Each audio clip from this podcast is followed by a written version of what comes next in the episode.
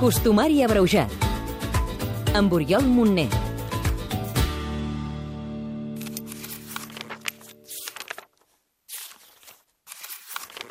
Aquí comença la Quaresma. Quaresma ventosa i Pasqua plujosa fan l'era granellosa.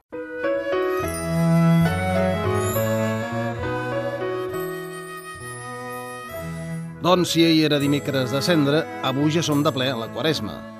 Un període de 40 dies que ens dura fins al diumenge de Pasqua i que serveix als cristians per preparar-se per la Setmana Santa. És una festa que varia cada any en funció del calendari i el mateix nom de Quaresma ja ens n'indica la durada. Lluís Garcia, historiador. És el simbolisme del número 40 com a símbol de plenitud, no? perquè són els dies que, que va durar el diluvi, són els dies que Moisès i Elias van passar la muntanya, que Jesús va, va, va vagar pel desert temptat pel dimoni. Són aquests 40 dies mítics. No? Per tant, s'adopta per al seguiment de la, de la Quaresma, una festa fonamental en la litúrgia cristiana. La Quaresma és un període de reflexió, dejuni i penitència, ja que anem de cara a la Setmana Santa. Antigament, la penitència era molt severa i durant 40 dies només se sentia cantar la popular Passió.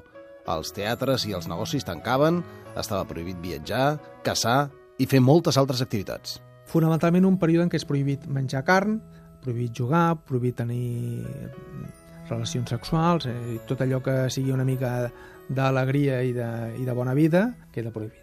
Això s'ha anat alleugerint amb el pas de, dels segles i fins i tot en una societat ja molt laica com la nostra, ja pràcticament moltes d'aquestes coses no existeixen i ens queden només algunes detalls que sí que ens recorden aquests orígens. De fet, posats a fer dejuni, triem una època en què tingui sentit fer-ne més enllà dels motius religiosos. Per tant, és un moment molt oportú per fer una mica de, de, de dejuni i d'abstinència, perquè ens hem quedat sense reserves i encara no tenim, diguem, productes nous. La, la religió, d'alguna manera, mira d'adaptar-se a, a les coses naturals també, no? El dejuni es fa els divendres perquè és el dia en què van crucificar Crist. La Quaresma sovint es representa amb una dona vella, la vella Quaresma, que té set cames, una per a cada setmana, tot i que de fet només inclou sis divendres. Però el setè peu és per al divendres sant, que també és dia de dejuni.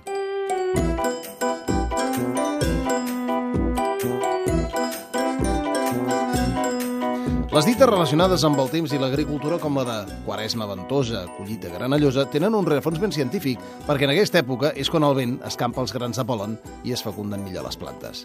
Si parlem de gastronomia, l'abstinència d'aquests dies, com dèiem, afecta el consum de carn. La quaresma, això es fixa cap al segle IV, però no és fins al 6 o 7 que s'estén la idea aquesta del, del dejuni. El costum de menjar bacallà, eh, que inicialment, eh, quan no podies menjar carn, doncs miraves de menjar peix, amb això és molt... hi ha algunes anècdotes, no? com a un concili en què es va debatre si els ànecs era trencar la quaresma o no menjar carn d'ànec, perquè l'ànec, com que va per l'aigua, no? I no, els ànecs són carn i, per tant, trencaria el dejuni i no es pot menjar ànec. Es menjava el peix que es podia, i a partir del segle XVII, quan s'intensifiquen les relacions comercials amb el nord d'Europa, comencem a tenir bacallà. I durant els llargs divendres de la Quaresma, atès que no es pot menjar carn, hi ha qui tira mà del famós bacallà de Quaresma. Fermí Puig, cuiner. El bacallà és el gran substitutiu de la carn de Quaresma i aquest bàsicament era un bacallà que portava ous durs, portava panses, portava pinyons, portava pèsols, portava carxofes, és a dir, alguns dels productes ja més nobles de la primavera, un grandíssim plat de la cuina catalana. Ja sabeu el que toca a partir d'avui. Clar que ningú ens impedeix concedir-nos un bon plat de peix aquests propers divendres. Costumari abreujat, amb Oriol Montner.